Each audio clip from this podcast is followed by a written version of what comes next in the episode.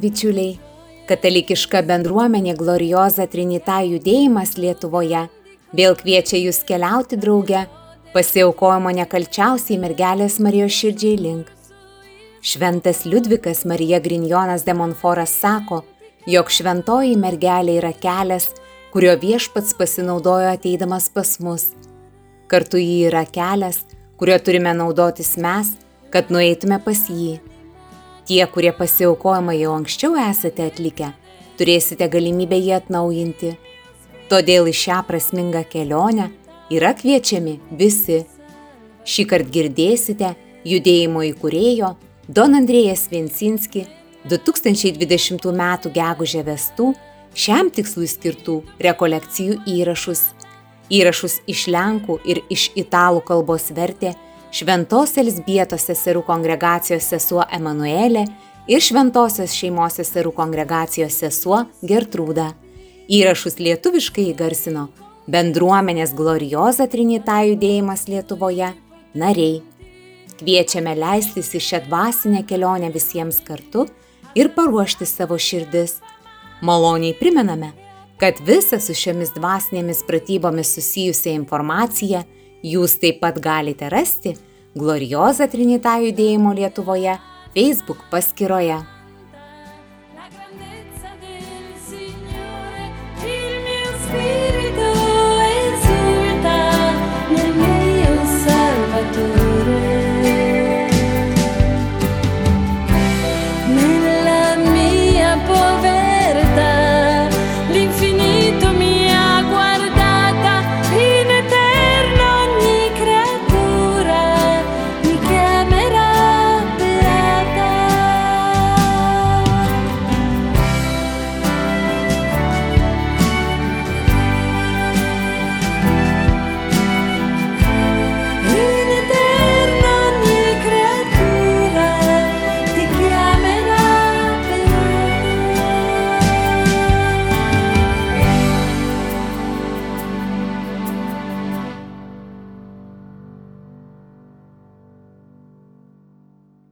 Nome del Padre, del Figlio, dello Spirito Santo. Vardan Dievo, Tėvo ir Sūnaus ir Šventosios Dvasios. Amen. Mylimieji Kristuje, nuoširdžiai sveikinu Jūs mūsų rekolekcijose su Marija iš žvaigždės. Šiandienos katechezėje apmastysime nuostabius Šventos Elsbieto žodžius. Tu labiausiai palaiminta iš visų moterų ir palaimintas tavo iščių vaisius. Šventoji Elsbieta, aplankyta švenčiausios mergelės Marijos, ištarė šiuos žodžius ir tai yra džiaugsmo šūkis. Ką tai reiškia? Kad Marija yra palaiminta ir jos iščių vaisius yra palaimintas, kad Marija neša vaisių. Kviečiame jūs prisiminti, kad šventasis Paulius laiške Galatams kalba apie šventosios dvasios vaisius ir kokie tie vaisiai yra o dvasios vaisiai yra meilė, džiaugsmas, taika, kantrybė, malonumas, gerumas, ištikimybė, romumas, susivaldymas. Pagal šiuos šventosios dvasios vaisius Dievas kviečia mus gyventi. Dabar pasiklausykime Šventosios Evangelijos pagal Luką. Vieni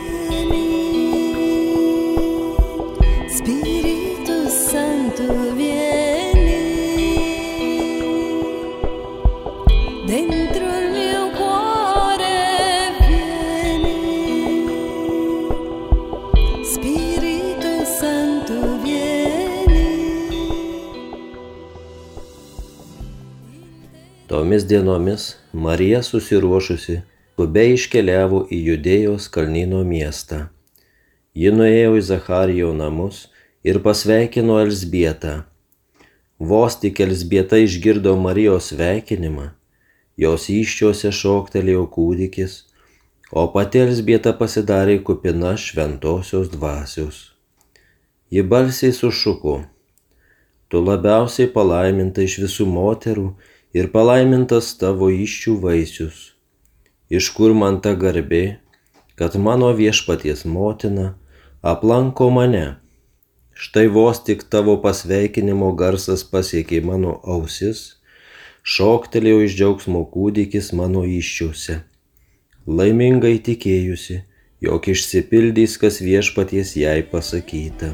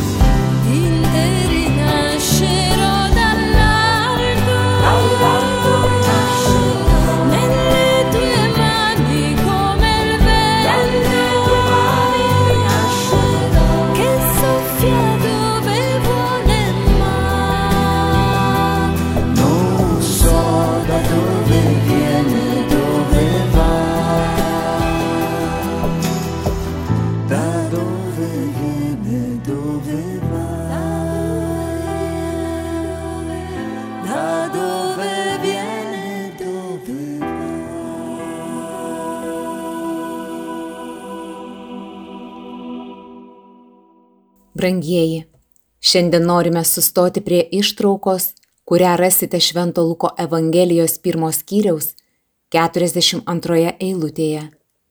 Kai Elsbieta atsako Marijai, apsilankiusiai Ainkarimo namuose, palaiminta tu tarp moterų ir palaimintas tavo iščių vaisius.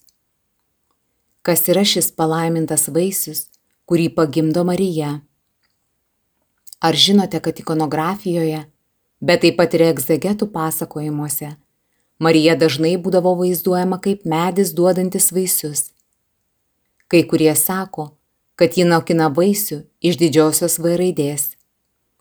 Tas vaisius yra Jėzus.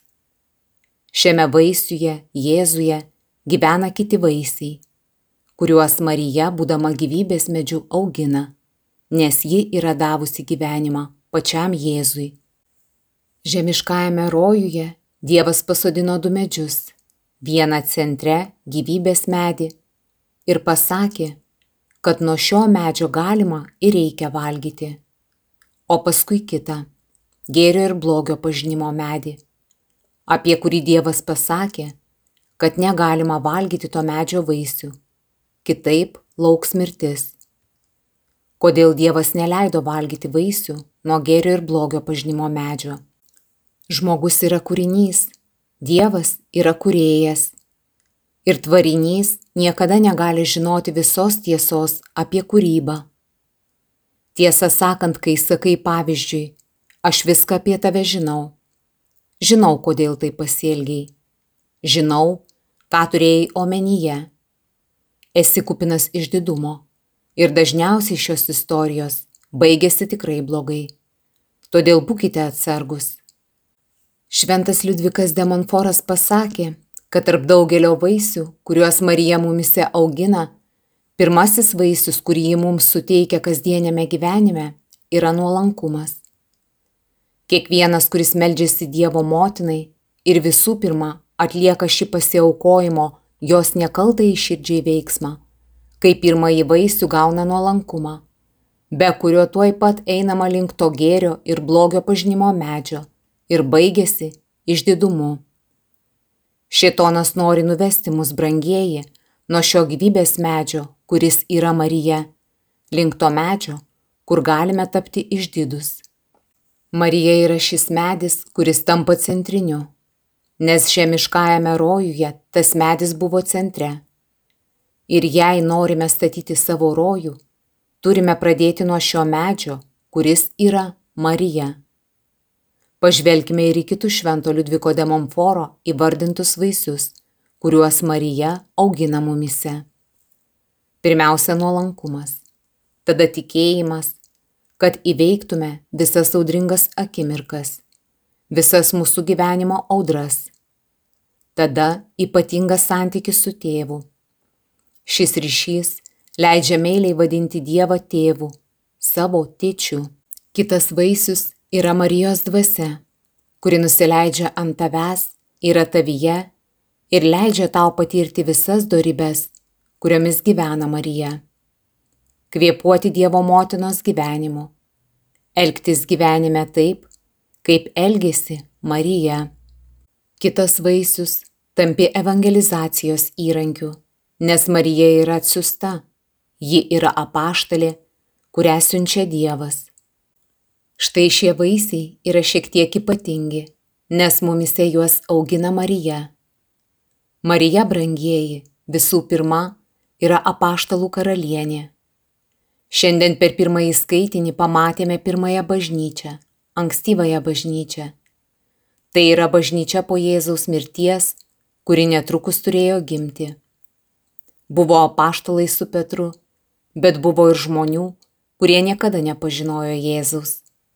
Įsivaizduokite, kad anuomet dar nebuvo tikros dabartinės bažnyčios. Nebuvo bažnyčios kaip institucijos. Buvo tiesiog grupė žmonių, kurie po Jėzaus mirties bandė gyventi sekant jo pavyzdžių. Ši pirmoji bažnyčia buvo šalia Madonos, kuri buvo pirmoji apaštalė. Ką tai reiškia? Net ir šiandien rizikuojame tuo metu, kai yra tam tikros sumaišties net ir bažnyčioje, prarasti šį kelią vadinamą katalikybę, vadinamą apaštališką bažnyčią. Vis dažniau pastebiu, kad kai kurie krikščionys, net katalikai sako, tikiu Jėzu, bet nebetikiu bažnyčia, nebetikiu popiežiumi, vyskupais, kunigais ir panašiai. Todėl kyla pavojus eiti link bažnyčios, kuri nebėra Kristaus bažnyčia, kuri nebėra apaštalų bažnyčia. Čia Marija tampa lakmuso popierėliu suprasti, kokia dvasia yra mūsų viduje, tavyje, ar tai šventoji dvasia, ar tai visai kita dvasia. Nes žmonės šiandien vaikšto, ieškodami galios. Žmonės keliauja į vairias bendruomenės sakydami, čia kažkas uždeda rankas, čia kažkas patenka į dvasios polisi ir panašiai. Bet visa tai nieko nereiškia. Jūs turite suprasti, ar tikrai esate apaštališkoje, katalikiškoje doktrinoje. O Marija, mėlyjeji, yra atskaitos taškas, rodantis, kad jūs ten esate. Todėl tai yra pirmasis dalykas - Marijos gyvenimas mūsų gyvenime. Mums reikia Marijos dvasios, kad suprastume, ar esame bažnyčioje. Tai yra punktas numeris vienas. Antras punktas yra susijęs su šios dienos Evangelija. Jėzus sako, parakletas šventoji dvasia, kurią tėvas atsiūs mano vardu, jį išmokys jūs visko ir primins viską, ką aš jums sakiau. Labai stiprus, gražus sakinys ir aš jį paaiškinsiu. Marija brangieji gavo šią dvasę, nes buvo pakrikštyta šventosios dvasios pilnatve apreiškimo dieną kai arkangelas Gabrielius atėjo jos perspėti apie Dievo planą. Šventoji dvasia nusileis ant tavęs. Ar prisimeni šiuos žodžius? Todėl apreiškimas yra Madonos krikštas. Šventoji dvasia pakrikštyje Madoną pilnatve.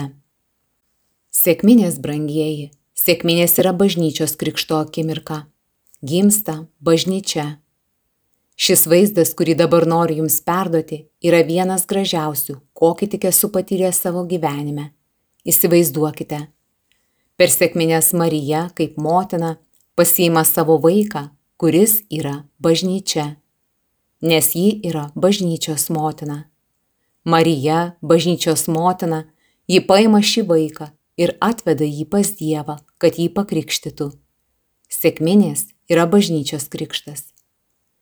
Brangieji, šventoji dvasia pilnatve nužengia ant bažnyčios, kurią esame mes visi, kaip mistiškas Jėzaus kūnas.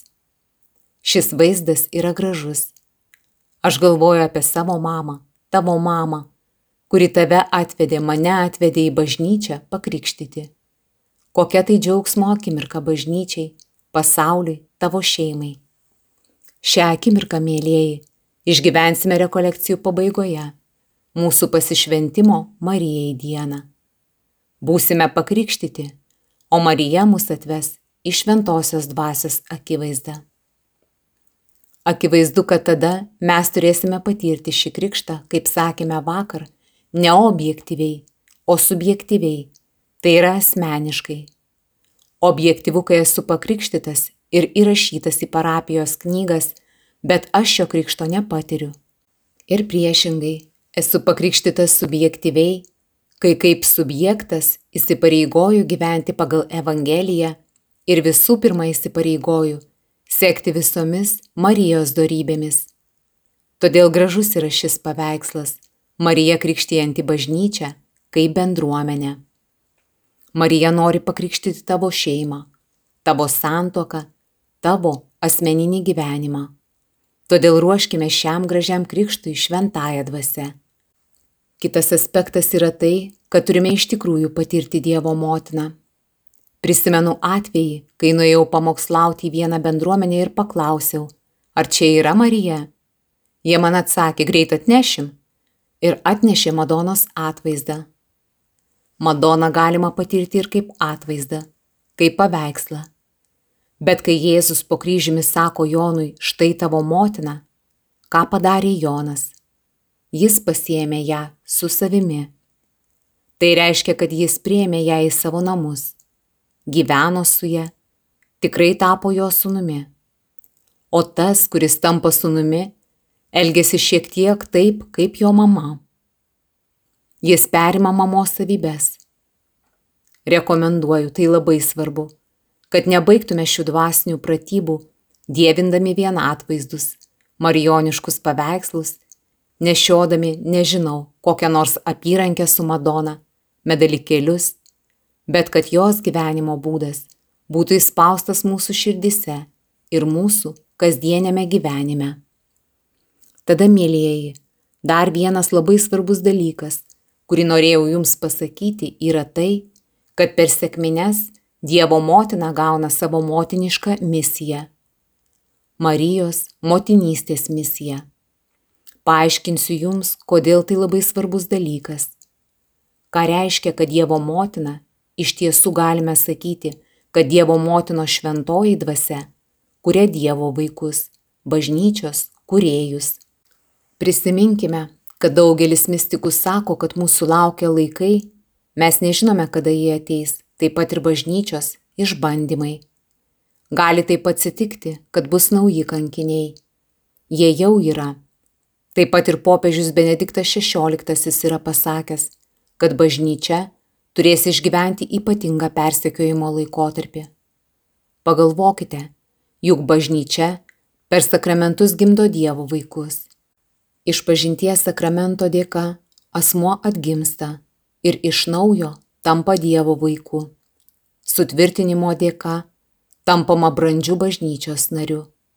Tai bažnyčia gimdo savo vaikus. Ir kas atsitiktų, jei pavyzdžiui bažnyčiose nebūtų aukojamos mišios? Jei tektų grįžti į katakombas? Būnant šalia Madonos, jos motiniškumo, mes iš tikrųjų galėsime būti sukurti ir atkurti. Tai yra bažnyčios istorija. Todėl šis Marijos kultas yra tarsi matrica, kaip iščios, motinos iščios, kurias iš tikrųjų turime padaryti savomis, nes sunkiais laikais Marija yra trumpiausias vaiko gimimo kelias. Bažnyčiai dažniausiai reikia daug laiko. Pavyzdžiui, pasiruošimas kunigystiai trunka daug metų. Pasiruošimas santokai, krikštui. Paimkime pavyzdžiui katechumenatą, kuris yra sunkus Štai kodėl net šventas Liudvikas Demonforas sakė, kad norint padaryti skulptūrą su plaktuku ir kaltu, tai užtruks labai ilgai. Tačiau yra trumpesnis kelias, kuriuo yra pati Madona. Ji yra forma, į kurią įliejamas mūsų gyvenimas. Forma jau paruošta ir naujas vaikas gimsta akimirksniu. Tai puikus trumpasis kelias. Tai yra skirtumas tarp skulptūros kūrimo ir jos formavimo. Mums reikia šios motinos, kuris suteikia mums ypatingą malonę pažinti Jėzų su dieviška išmintimi. Daugelis neišmanančių žmonių brangieji pasaulio gyvenime tapo šventaisiais šią malonę - Dievo motinos malonę.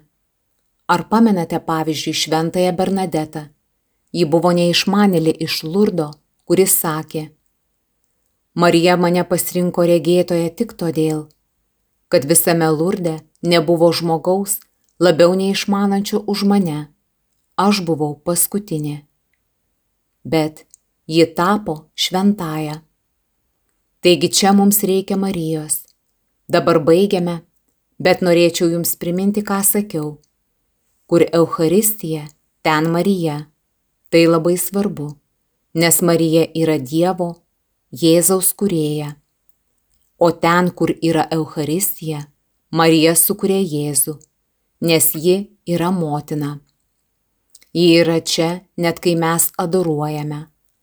Adoracija kuria. Ką kuria? Suteikia mums meilę, tikėjimą, viltį. Žinokite, kad tai yra dvi kolonos, kurias šietonas nori atimti iš bažnyčios. Kiekviena parapija yra atpažįstama kaip katalikiška ir apaštališka ir ar ji yra viešpatyje, kai rūpinasi šiomis dviem kolonomis - Euharistija, tai yra gerai šventai paukotomis šventomis mišiomis, adoracija ir pamaldumu Marijai. Jei šios dvi kolonos kažkaip sulaužomos, mes susidurėme su bėdomis ir nesame apaštališkoje ir katalikiškoje bažnyčioje. Amen. Katechezę baigiame tėvo Don Andrėja palaiminimu. Il Signore sia con voi. Vi benedica Dio Onnipotente, Padre e Figlio e Spirito Santo. Andiamo in pace.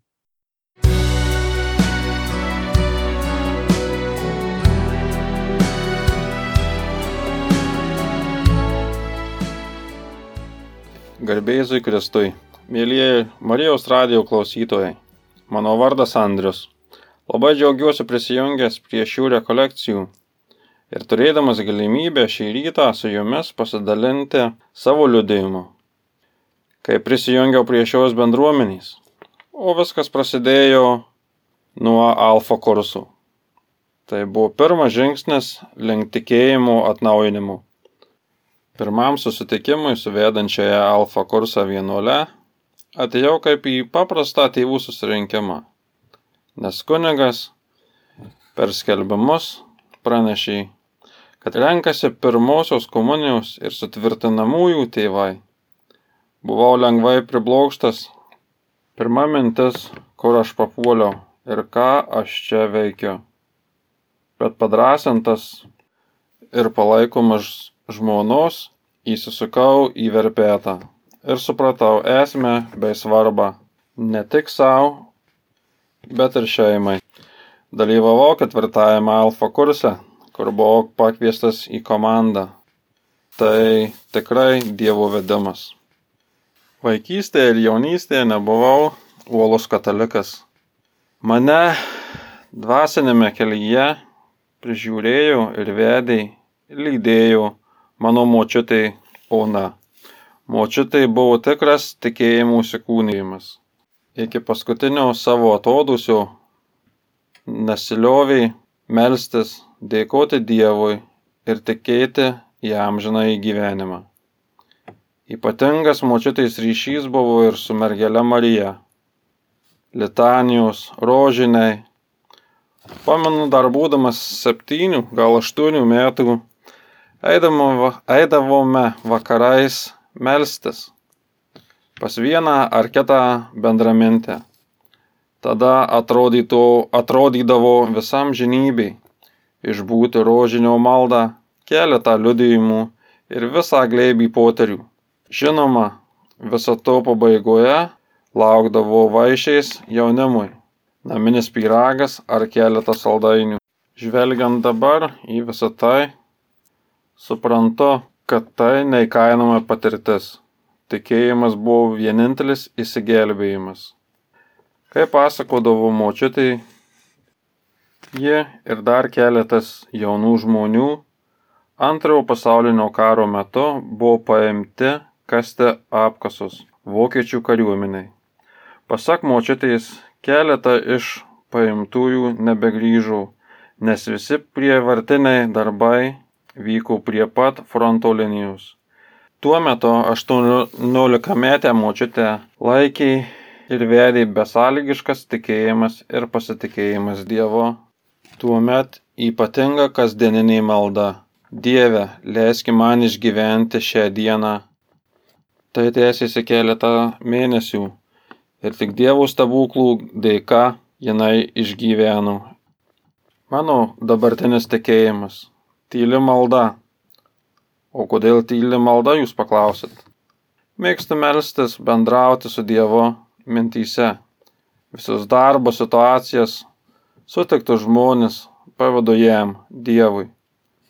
Dienos šurmulyje stengiuosi rasti momentą kalbėti su Dievu, su angelais.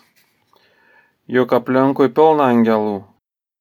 Vakarinė šeimos malda - tai kažkas nepaprasto, kada visa šeima susėdam ir melžiamės to mėnesio intencijas ar to mėnesio maldas.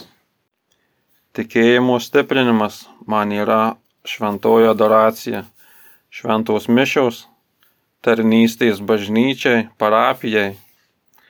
Ypatinga vieta užima 13 mėnesio dienos. Tai neįprastas laikas šlovinamai, mišiaus, adoracija, užtarimo malda, širdžių bendrystė. Ir jūs kviečiu tai patirti su mumis. Visos viltys į jaunimą. Teko vežti saujelę jaunimo į rekolekcijas Lenkijoje, netoli Varšuvos. Džiaugiasi širdis, matydama širdžių bendrystę. Nesvarbu, kad buvo kalbos barjeras, bet vienas tikėjimas ir vienas Dievas suvienyje visus. O kad jūs girdėtumėte, kaip užgėda angelai, sunku sulaikyti džiaugsmo ašaras, kada žinai, kad tame tarpe yra ir tavo atžala, ir tai atperka viską. Begalinė Dievo dovana yra bendruomeniai, glorioza Trinita, su kuria esu dabar. Vienas tikėjimas, vienas kelias. Be galo džiaugiuosi mūsų kunigais, vienuolėmis, pasauliečiais, tais žmonėmis, kurie atiduoda savo laiką, o laikas yra didžiausias neįkainojamas turtas, nes ką darome dabar, tai yra istorija mūsų istorija. Tikiu, kad bendruomenė auks, plėsis, ilgai gyvens ir sujungs dar daugybę širdžių. Ačiū. Te laimina jūs Dievas. Grande è solo gioia star con te. Schiere d'angeli, danzate insieme a me. Brilla il cielo ed il